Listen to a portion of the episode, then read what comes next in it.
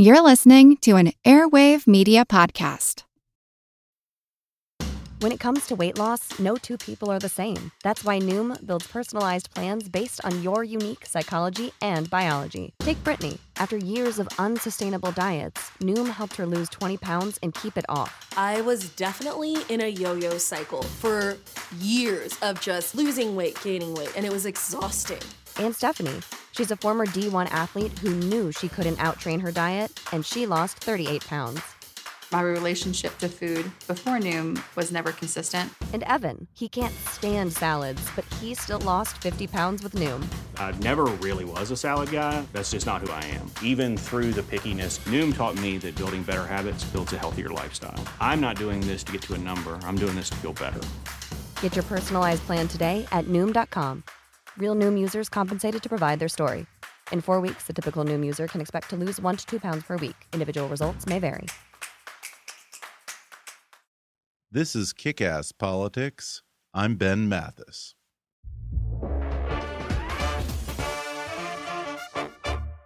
Hey, folks, just a quick announcement. We're in the midst of a very important fundraising drive to come up with all of our production costs for 2016. If you like kick ass politics and you value what I'm doing here, then I hope you'll go to gofundme.com backslash kickasspolitics and donate what you can. It's vital that we fund our production budget for the coming year so I can focus my energies on the content side of kick ass politics and keep producing new episodes for you every week. So be a part of what I'm creating here. Just go to gofundme.com backslash kickasspolitics or hit the donate button on our webpage at kickasspolitics.com. Thanks in advance, folks, and now enjoy the show. I'm Ben Mathis, and welcome to Kick Ass Politics. Just in time for the Oscars this weekend, my guest today is Evgeny Afineevsky, who's nominated for an Academy Award for Best Documentary Feature for his movie Winter on Fire Ukraine's Fight for Freedom. As the director and producer of Winter on Fire, Evgeny and his crew risked their lives for 93 days in the streets of Kiev in the freezing cold getting beaten by police and shot at by snipers, so they could document start to finish how the peaceful demonstrations in Kiev's Maidan Square escalated into a full scale revolution and led to the overthrow of Vladimir Putin's corrupt puppet president, Viktor Yanukovych, in Ukraine. Folks, the human drama and epic size of this movie are on a level that you rarely ever see in a documentary film.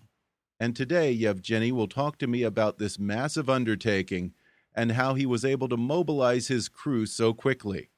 We'll talk about what separates the Maidan demonstrations from the Arab Spring and other revolutions in recent years, and how, in many ways, this one can serve as a blueprint for democracy and reform around the world. We'll also talk about the emotional toll that making this movie took on the filmmakers and we'll talk about the inspiring story of one brave 12 year old boy who risked his life for his freedom and for his country. Coming up with Academy Award nominee Evgeny Afineevsky in just a moment.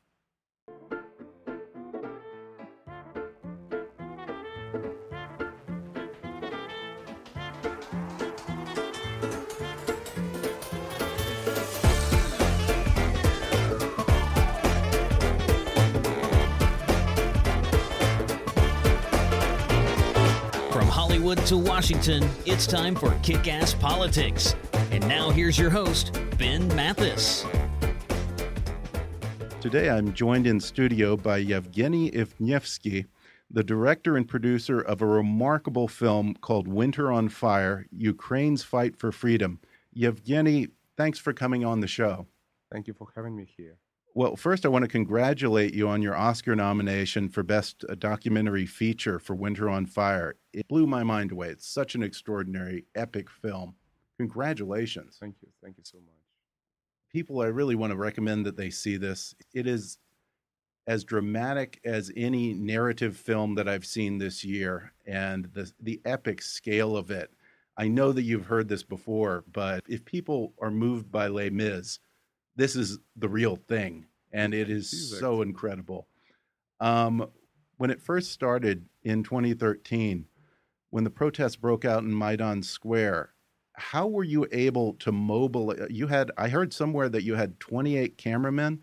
How were you able to mobilize your crew and formulate a plan for this documentary so quickly? You know what? A, actually, I jumped from Los Angeles to Ukraine because I've been here with you in Los Angeles. And uh, at that moment, uh, one of my friends called and he asked me to come down because we did movies before. And he was thinking that something remarkable happening there already in the first days because it was remarkable. It was different compared to the previous movements that happened in the same square like nine years before. Here it was completely apolitical. Here it was self-organized. It was kind of uh, the movement of 21st century when uh, the self-organized youth came out and uh, organ- kind of brought each other together through the Facebook again, uh, social media stuff. Because uh, Mustafa Nayem posted something on the Facebook asking everybody to come to the square. So it was interesting how we are living in 21st century and kind of create the revolution of 21st century. And it was interesting to observe on the first days how the same youth not allowed any politicians or political movement to jump into the square or become kind of a leading part of the movement. So it was Yeah. completely apolitical. Yeah, and you do see in, uh, later on in the film when uh, Vitaly Klitschko, the the prize fighter, who now is I think mayor of Kiev, Yes. when he starts to try and co-opt the uh, the protest and wants to become the figurehead of it and negotiate with the government, the protesters revolt against that. Correct. It's not only him. All the opposition leaders, uh, all all of them were there and tried to kind of to pull the strengths to become leaders of the movement. But since it was the nation who erupted, since it was the youth who came out to the streets, they not allowed this to happen. They didn't want it leaders who coming and going. They are the people, and they wanted to prove to entire nation that the people have the power, not the leaders that are trying to proclaim themselves leaders. But going back to your question about the cinematographers and 28 cinematographers, how Yeah. it's all started. When I originally came, we started to film things with two cameramen that we hired there. And it was two camcorders, Canon camcorders that uh, they brought with them, and it was locals. And this how it started. And then up after the horrible night when we all got beaten, 20 on a 30 of November, four o'clock in the morning, this horrible momentum in the history when everything kind of started to shift into the bad revolutionary situation when the first blood was spilled literally a lot of young blood was spilled and the church giving the shelter to the younger generation to the youth that running from the square. From this momentum we realized that you need to be prepared for a lot of surprises a lot of unforeseen situations because the event starting to unfold so spontaneous so you want to have more eyes on the movement. And then every day the movement started to grow. At the peak of the movement you had over a million people in the square. That is huge. So you didn't know from where to expect things. You didn't know uh, what will happen next. So you wanted to have more and more eyes. So i started to kind of talk to the people see who is filming offer them to join the forces. And people wanted to join the forces because a lot of the people were just filming for themselves without any idea where they're going to be using the footage. And nowadays it's not uh, something that you need to obtain film or something. It's just taking the cell phone out of your pocket and film taking uh, bringing your dslr camera instead of stills shooting the video. So in our days, it's much more easy with all our digital technology. And remind people, for those who may not remember, what was it specifically that sparked the Maidan Revolution? during uh, during 2013, Viktor Yanukovych, the president that was at that uh, time in Ukraine, he promised to entire nation to sign the association agreement with European Union. Unfortunately, and also in the same time under the pressure from Russia, he was uh, kind of uh, every day going back and forth with the idea either he's signing, not signing. Then later on, on the 21st of November, Prime Minister Azarov uh, announcing that they freezing all preparation for the signing of this agreement. Despite that, despite that. On the 29th of November, Viktor Yanukovych going to Vilnius for the signing of the agreement.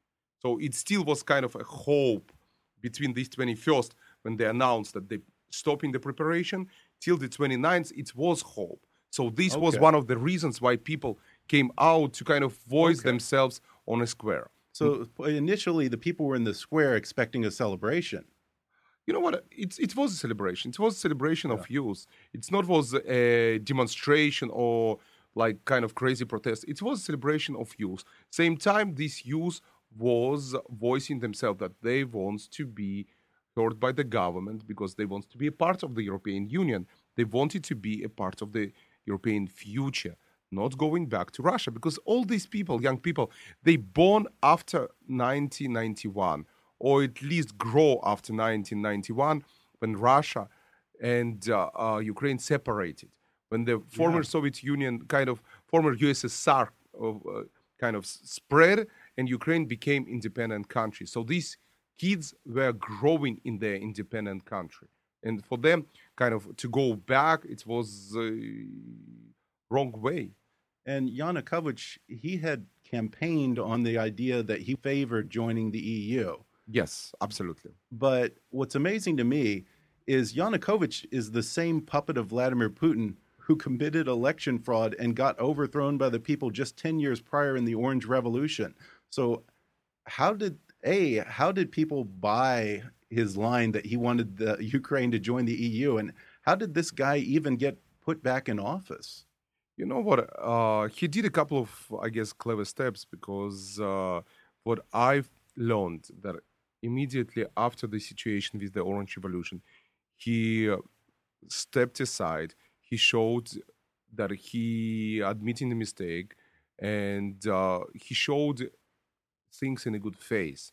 So it was one of the elements. Another element when after the Orange Revolution and re-elections, Yulia Tymoshenko and Viktor Yushchenko became the president, and Yulia became prime minister. They not delivered what they promised through the Orange Revolution. So Okay. people were kind of uh, disappointed with all what's happened, and for them, elections in 2010 kind of brought him back with the hope that he will achieve something, and he was promising this. And he was actually actively doing things in 2013. He was actively going to European Union. They were uh, going through this association agreement. So visually, everybody saw this type of the preparation. 21st of November, they're announcing that they're stopping preparations, rather announcing Prime Minister Azarov announcing. You can see it in the movie. And then people coming out. 29th, he- despite that, he's still going to Vilnius, showing that he probably will be maybe signing this. He literally taking pen in his hand, looking at the agreement in Vilnius on 29th, and then putting pen down. That which is even crueler to tease people like that, to give them that hope. Well, when you began filming, you know, the the scenes of the peaceful demonstrations that began this movement, it almost seemed like Woodstock or some kind of festival, people singing and dancing and kissing and so happy in the streets.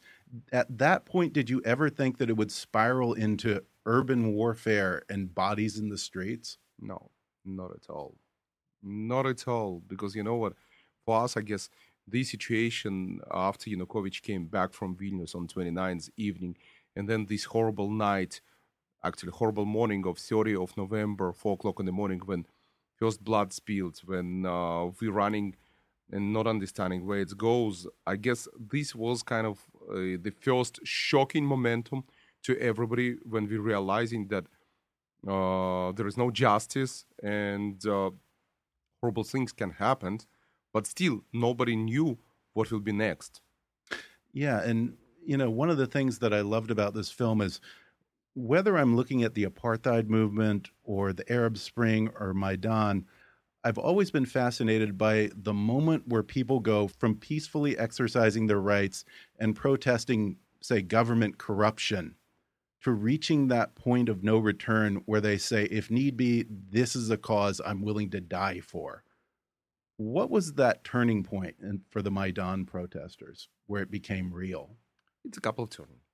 I guess um, uh, outra- people outraged by all situation that young young kids got beaten for nothing, coming out on the streets on the first of December, and uh, this was the first momentum when people realized that they can't live in that society that was created by Yanukovych, by his corrupted government. And they came out to the streets and they started to self organize themselves on Maidan. They realized that they will be protesting until some change will not happen. And I guess the major uh, points of no return will happen after the first dead bodies like Sergei Nigoyan or Zhizhnevsky in January, because you know what, people were tired already. It was um, on December, it was January. They saw that nothing happening, so it was kind of a momentum that one way or another, but people realized that, you know what, eh, the government trying to put them down by these crazy laws on the 17th of January, and the reaction of the people was amazing with the jokes and more cooking pots on their heads. Yeah. it was amazing to see that even tired people who still there, who still standing for their beliefs, they still can respond with all these kind of funny reaction to the craziness Yeah. of these laws. But again, the note, uh, the point of no return happened after we lost Sergei, after we lost Zhizhnevsky, after we lost uh, some other, because it was three of them, and uh, it it was this momentum that people realized, no, we're going to be staying until the end, until the history will be turned into our favor. Because at the end of the day, they came out to turn the history different way. They came out to change the history. And you know what? It was interesting to observe that already after a couple of weeks, it's not was already only Ukrainian or uh, kind of history in a region. It's becoming a world history because a lot of world diplomats try to resolve this peacefully. Right, And I we can see in a movie that like uh, Catherine Ashton and uh, our diplomats, the, the Victoria Nuland, whom I met there. So all of them came there to try to resolve these things. Yeah, and one thing that you mentioned just a moment ago, which was really interesting for me, is throughout the movie you see the use of symbolism and art and beauty and even humor in contrast to just the brute force of the Berkut police. Um, you see priests standing between the Berkut policemen and the protesters praying, grandmothers holding pictures of Catholic icons up to the police's face. Uh, the protests themselves, which really kind of looked like rock concerts with lasers and everything, and, and just you know what you referenced a moment ago, the wry sense of humor when the government came out with these insane laws that said that the people were banned from wearing motorcycle helmets and hard hats, and you see the men facing down the Berkut police wearing cooking pots and pasta strainers on their head. Talk about the You know role what? of art in revolution. I guess one of the elements that struck me from the beginning was the humanity. You know, Yeah. usually war, and for me, it was a war. It was a blood. It Oh, was a yeah. killed people. It was a killing, brutally murders, and uh, people were kidnapped. So I guess usually we're not able to see human face on a war, and here it had a human face and at the same time had humanity. And I guess this humanity and a great spirit struck me because you know what? Despite this cold weather, despite these police batons that we had on our heads, despite all these stun grenade that uh, we had, you know what? I still have a lot of bruises on my legs from the splinters. Uh, we, I got asthma. My my team had a lot of bruises and uh, all this stuff, uh, concussions. I had uh, some of my team players, some of the cinematographers who got con- uh, concussions from the grenades. So all these, despite all that, despite the real bullets and the blood that we saw, even our own blood or blood of our friends, you know what? It was amazing to see this humanity. Humanity in different ways. A, we had a concerts every night on the square. Nichna Varta of Maidan, Press Maidan, they were very fascinating team that we are holding the concert every night. Art, dancing, you mentioned that, and uh, you can you mentioned priests in between police and protesters. But in a movie, for example, you can see the girl playing piano between the protesters and the Right. police. It's fascinating to see these moments of peace where the art and kind of the culture is spread between both of the sides. It's amazing how they were having their spirit high despite all these events. And you know what? I can go on and on and on about all this human spirit that I observed there that blow my mind. Like uh, it was a moment when um, one of the dark days, actually, one of three dark days, I guess. It was uh, 18th, 19th, and 20th of February, almost two years ago from today, when the most big amounts of people were killed, snipers and all this stuff. Yeah. So uh, I think on 19th, uh, the former military guys, young guys, they dressed as the musketeers of uh, the Dumas story, Three Musketeers, and they went on top of the barricade and they did the tea under the bullets, exactly like in the story of Dumas. And you know what? It was amazing to observe this. It was under the bullets, it was not Yeah. there. But they did it just to uplift the spirit. Or, for example, we see in a movie Kozak that was stripped naked and humiliated. That was a brutally, Yeah. and it was a vicious act of humiliation. But you know what? For the protesters, it's not for the act of humiliation because next day the Cossacks naked jumped on top of barricade and started to scream, "You will not take us naked like this." so you know what? It, Wow. it was uh, with a smile on the faces for a lot of protesters. But it's amazing to observe these kind of things. And uh, you know what? Again, art, dancing, drawings. It's it was amazing, amazing experience for me. But uh, besides all that, it was amazing unity, unity that struck me from the beginning. It was uh, all nationalities with respect to each other. Yeah. It was all ages with respect to each other. It was all social classes with respect to each other. It was priests, different churches, different faiths together with the people. Something that I never observed because usually church kind of is on the side of the government to control Right. people. Here we saw church on the side of the people, helping to keep their spirit up. And it was amazing. And it's not just that the priests were behind the people, Pe- pe- uh, priests were on the front lines with the people. That was amazing. That yeah, that is really something that blew my mind. And uh, you know, the one of the scenes in it that really just, I mean, it just got me in a, in a very deep emotional place was when the Berkut police were coming down on the protesters in Maidan Square, and the protesters were ar- linked arm in arm trying to hold them back from pushing through in, and they uh, they were starting to get through. Suddenly, the bishop, I guess the bishop of this old monastery right there, gives the order to ring these bells that haven't rang since I think something like 1240, the year 1240 When the and that, as a call to action for everyone in Kiev to rush to the square and defend them. Unbelievable. No, it's it's a fascinating uh, historical moment. You know what? Fascinating historical moment, and it's fascinating unity of everybody together. Yeah. That's like I said. You know what? It's proves one important thing.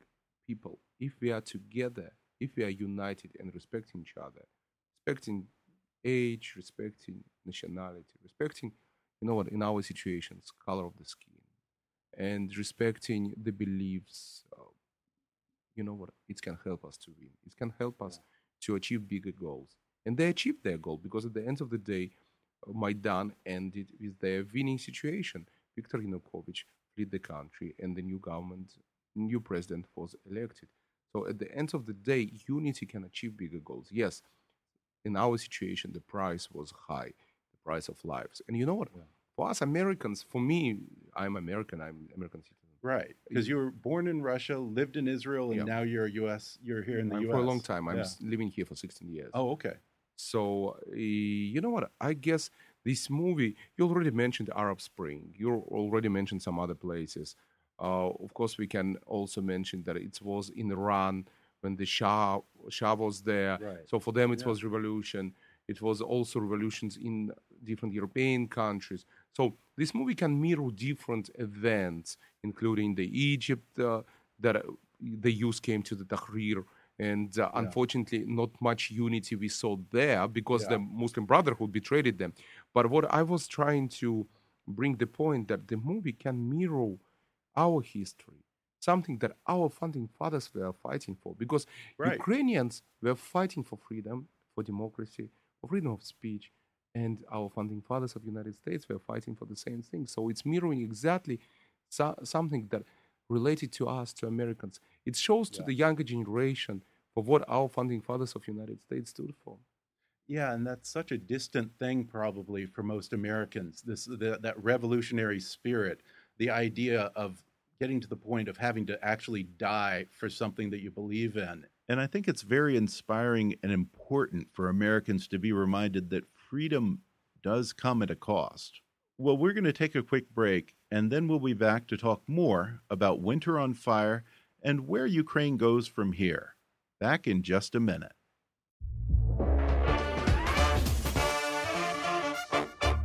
Folks, do you like to read but you don't have the time? Give audiobooks a try. All those times you spend listening to this podcast, you can also be listening to a great book. You can play it on your drive to work, on a run, in the bathtub, while cooking, or just sitting and enjoying one of those rare stolen moments. And right now, you can download any audiobook you want for free with a special promotion for our listeners from audible.com. Just go to audibletrial.com backslash kickasspolitics for a free 30-day trial and a free download of any of Audible's 180,000 titles for your iPhone, Android, Kindle, iPad, or MP3 player. That's audibletrial.com backslash kickasspolitics. Or click on the sponsor link on our webpage to download the free audiobook of your choice. And now, back to the show. We're back, and I'm talking with Evgeny Afineevsky, director and producer of the Oscar nominated documentary Winter on Fire Ukraine's Fight for Freedom. Evgeny, one of the things that was unique about the Maidan protest is so often when you look at other movements, from the Arab Spring and the Tahrir Square protests in Egypt, I mean, going all the way back to the French Revolution and the Communist Revolution, even, you see protests that began peacefully and with good intentions, but very quickly, under pressure and in the heat of the moment, we see people start to devolve into animals. That didn't happen here. In Tahrir Square, you had men, you know, forming groups to attack women. In Ukraine, you had men who were forming, locking arms to protect the women. You have military veterans volunteering to train young people how to defend themselves, volunteers organizing to provide food and clothing for demonstrators. In many ways, it's a template for revolution. It's, it's the, an example of the very best of humanity when faced with the worst of humanity. Absolutely, because uh, this is a big plus for the Ukrainians to show the solidarity and togetherness, togetherness of all these groups together until the end, from the beginning till the end, that brought in 93 days to the win-win situation. So again, it's a remarkable template, like you said, your words, template or manual for the perfect situation of the revolution. But in the same time, if we go into the revolution that happens in Russia uh, or in the French Revolution, it was a difference of social classes that brought to these revolutions. Right. That in Russia in 1917, it was a big difference between the low classes and the high classes. Same was in the French Revolution, that the high classes had the old wealth and the poor classes were struggling. So this is the moments of the struggle that brought into to these revolutions. Here you had the most richest people and the most poorest people all together on Maidan. And the most richest people were supporting Maidan at that moment, bringing food, bringing everybody who had money, uh, little or a lot, they were supporting this because they all wanted to achieve one cause. This dictator needed to be taken out. I saw how rich ladies were parking their cars and on the high heels going to the tent, cutting the sandwiches. you know what? Or uh, some Amazing. people were sending uh, food supply or some whatever they're able to give from themselves. And you know what? It was amazing to observe this kind of unity, this kind of collaboration, this kind of togetherness, this kind of solidarity. Every frame, every moment of that film represents the very best of humanity in these protesters. Uh, let's talk about, I guess you could say, the worst of humanity, the villains of this film. Um, obviously, Yanukovych was the main focus of the demonstrators' anger, but on the ground, in the street, the enemy was the Berkut police forces, and I guess they're even more savage, if that's possible, evil twin, the Titushki forces. Who were these thugs? You know what? Titushki is the hired thugs who, some of them were released from the prison at that mm. moment just to do their jo- dirty jobs because. Uh, the so the government set them free, released them yes, from prison. Yes. And, and then paid the money them. just to do this wow. nutty job. Some of them were elite sportsmen. And huh. uh, you know what? It's people who wanted to do something uh, for the money. And you know what? And for them, it's not for the crime because the government and administration was covering these crimes.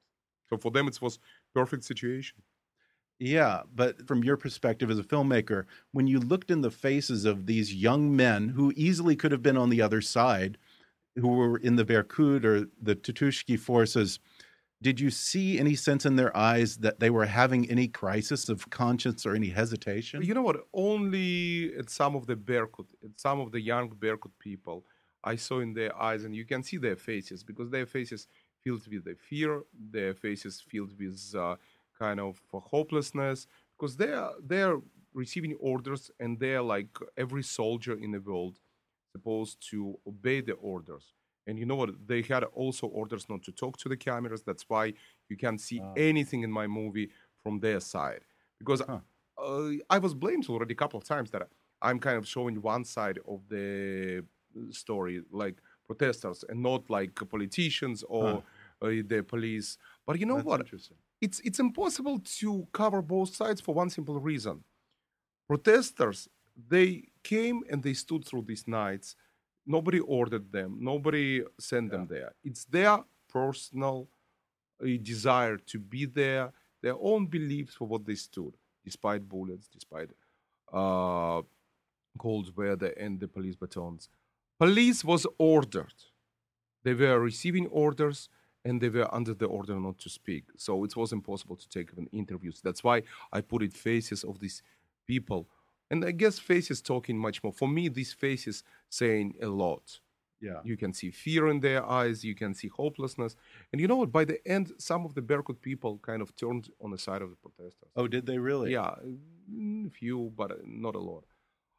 Because, like, you know, when you look at the, the, the end of the Soviet Union, you had so many military and, and, and policemen who just laid down their weapons and decided not to go against the protesters. And it was amazing to me that the Berkut kept going until the very end and just it got more and more violent. And you didn't see that point where when they're confronted with you know little old you ladies know, you know why, why more violent that they, you know, they said i can my I, my conscience can't can't do this you know why more violence? because they're not being able to break the human spirit and this yeah. what was making them violent because they been uh, kind of in a situation that they supposed to do whatever they want and break the human spirit but they not did it they not been able to make it happen yeah. despite the first killings despite all these uh, more and more harsh conditions they not been able to break the human spirit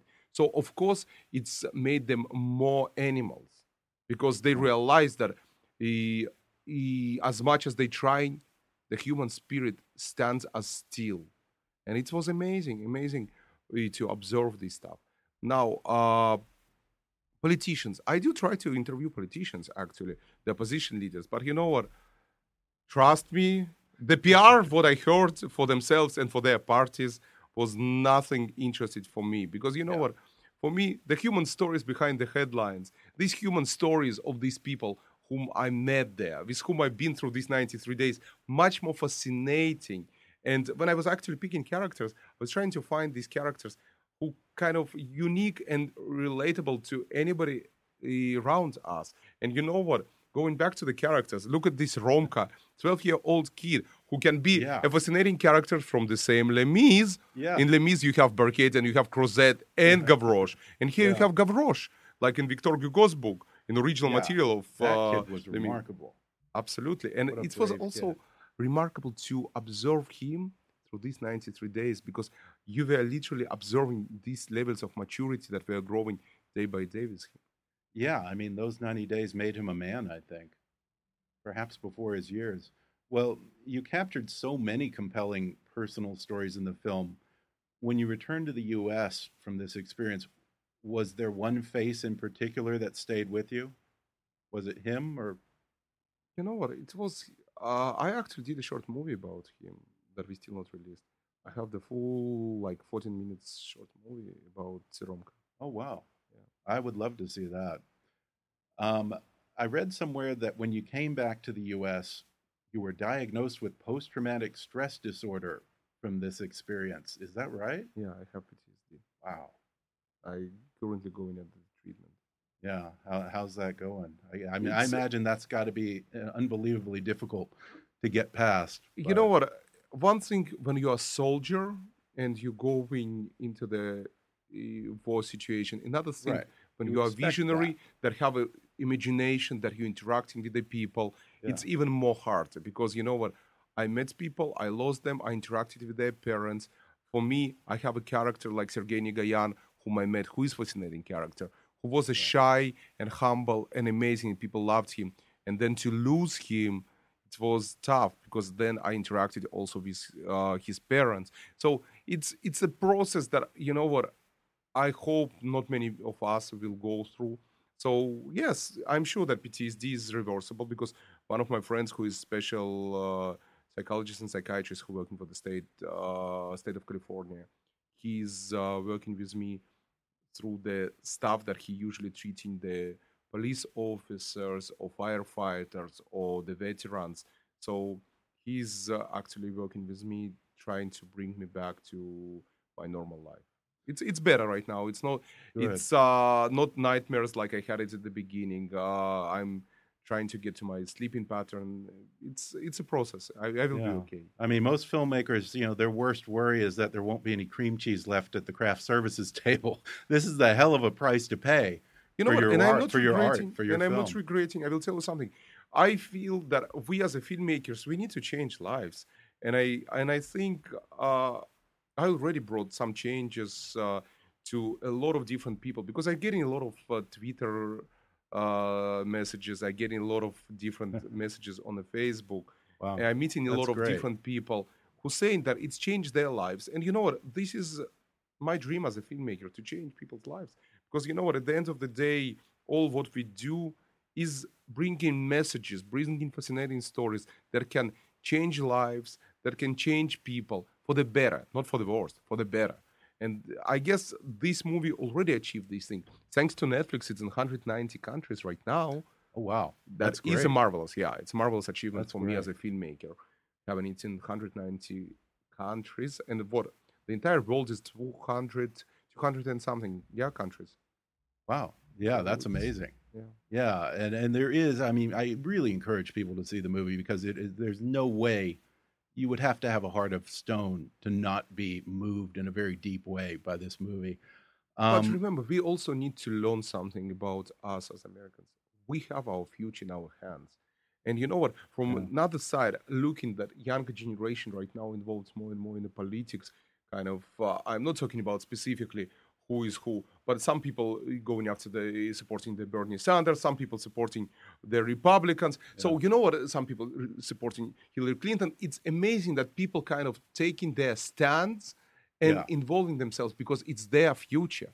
They're holding the key to their own future, so they need to stand for their beliefs and their decisions. And it's amazing, like this youth on a square, on Maidan Square, took their future in their hands and came out. It's the same thing, and it's beautiful to see that slowly. It's a, it's awakening of the nation. The only what we're missing is the unity. Yeah. And you know what? And this movie also lets other people know that the government is just a chosen people, chosen by the nation. They supp-. Yeah. government's supposed to not serve us. They supposed to serve us, the people of the nation. We are the people. First Amendment of our Constitution. So at the end of the day, we are the people and we are the power. And Ukrainians proved it on a square that they've been the power. Not the police, not the government. They've been the power. Mm-hmm. They changed the history. And they not change only Ukrainian history. Look how world changed after all these events of Maidan because sanctions, Russia showed its own face. European countries did a, a lot of changes. So it's it's changed Yeah. the entire geopolitical face of the world. All these events, but the most fascinating, it showed to all world amazing lesson. What to be real patriot. You don't need to be born in this country. You need to be patriot in your heart and soul. It showed that the people are the power, and people can do um, real changes, and showed what is real patriotism, what is real unity, and uh, what it means to be the human being of 21st century. Yeah, and you know, Americans should see this movie because I mean, when you see people willing to die for freedom, you have no excuse to be apathetic in America and to not go to the polls and cast a ballot in an Absolutely. election. No excuse whatsoever. People are willing to die for that right. Um, here we are 2 years after Maidan. Vladimir Putin rolled into the Ukraine, stole Crimea. Um, we've seen ongoing war in the eastern part of Ukraine where Putin's tried to help himself to that as well. Um, the U.S. and Europe have essentially done nothing. Uh, I'm not aware that anyone in, including Yanukovych or in the Berkut, was ever actually charged with war crimes by the Inter- International Criminal Court. When you talk to people over there today, do, is there some sense of betrayal by the West that we failed them by not coming to their help? And Yanukovych and all his uh, uh, kind of gang, they're sitting in Russia because uh, Putin gave him the shelter. And uh, you know what? No, West trying to do sanctions. Ukraine uh, obtaining some help from United States and from Europe. But at the same time, I will tell you the truth. I just been there. The Ukrainians fighting with the corruption right now. They still trying to kind of clean all this uh, situation, and it's taking time. It's taking time. Now uh, I know that American government implemented uh, some requirements for the Ukraine in order to give them uh, financial aid. Right. I, I think uh, our vice president, when he was last time in Ukraine, he strictly said that as soon as you will see the reforms and changes, we can help you. But guys, you need to move towards the changes. They they working, They're working, they trying to achieve things. It's taking time. Yeah, because it does seem in so many of these cases that corruption is the real enemy. Whether you're talking about starvation in Africa, poverty, anything, it all comes down to government corruption. corruption. Everything comes to if you can't change that, then there's no hope. Absolutely, everything is in the progress, and for them, it's right now another chapter of their fight for freedom. Can you go to Russia? Can you visit there, or would you even I, I want can to? I, I can go, but I will not. I guess in a second I will be entering Russia. I will be prosecuted. really? You would be prosecuted on on what kind of charge? Oh, listen, if you're familiar with the Not it Oleg, matters. if you're familiar with the Oleg Sentsov, uh, Yeah. who being a Ukrainian filmmaker who was kidnapped from Crimea, and then for starting filming all the annexation of Crimea, Mm-hmm. he was kidnapped to Russia and then prosecuted under the Russian law as in terrorism. So Yeah. you know what? It's all political acts. And uh, yeah, listen, I did something about Ukraine that not in the favor of uh, Russian government. So of course I can be openly enemy of Russian government. As much as sadly it sounds from me, who not did any political thing, just the documented history of amazing human beings. You know what? Unfortunately, I'm sure that the Russian government don't want to show some kind of uh, a manual for revolution to the Russian nation Yeah. because this Yeah, kind sure. of uh, situation can be very explosive in Russia if Russians at some point will be ready to do what Ukrainians did. Yeah, yeah. I wonder if Vladimir Putin's seen the film. I'm sure they they have Netflix in Russia. They are, and you know what? It's it's playing there. Oh, it is. Oh, wow. That's great. Good, good. Well, I'm curious. Do you have a next project? Yes, I do. What can you reveal it? Yeah. Or I actually when the nomination came I was in Europe because we were. I'm shooting since last year the Syrian refugees. The, so, oh, the Syri the Syrian refugees, like the ones in Europe. Uh huh. Oh, wow, that's topical. That's timely. Wow. Well, I look forward to that. When do you think uh, that'll go out? I will try to end it by the end of this year. Wow, that's great. I can't wait to see it. Have you written your Oscar speech yet? no, Okay. I don't have time for that. Well, again, the film is called Winter on Fire Ukraine's Fight for Freedom, and it's available on Netflix. And I'm curious, I guess we'll look this up online, but where can people see this movie in theaters before It's the Oscars? actually it's playing right now in selected theaters in DC and in Los Okay. Angeles. I think in Los Angeles you can find this in the Laemmle in Laemmle Music Hall in Beverly Hills, and in DC you just need to check where. But it's playing in selected theaters. Okay, fantastic. Well, I encourage people to see it uh, before the weekend's Oscars, because you know, if if something wins, it'll they'll keep it in the theaters for four weeks. But God forbid if it doesn't, you may miss your chance, and you really want to see this movie on the big screen. Thanks for coming on the show. Congratulations on this unbelievable, extraordinary film, and good luck on Sunday night's Oscars. Thank you, thank you so much.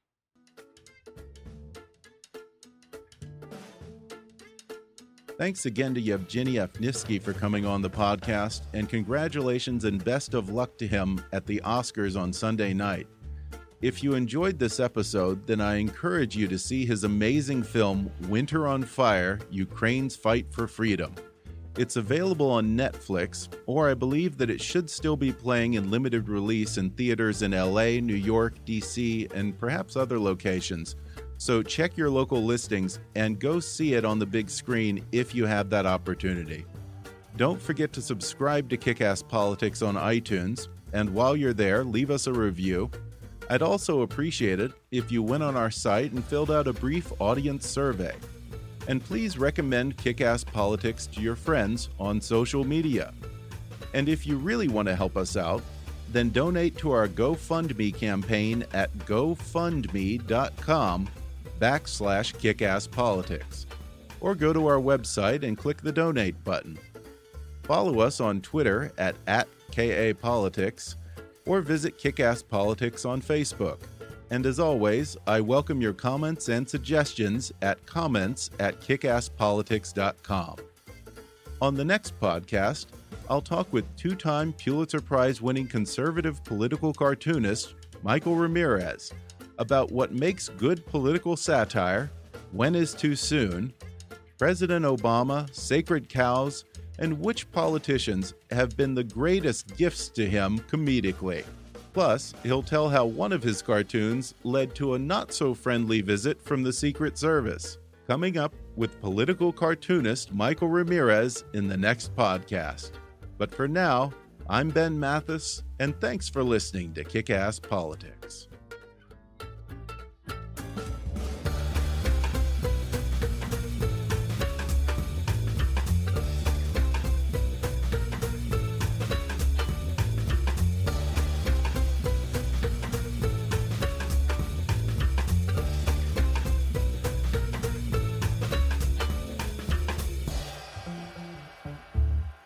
This podcast may not be reproduced without express written permission. Kickass Politics is a trademark of Mathis Entertainment, Inc.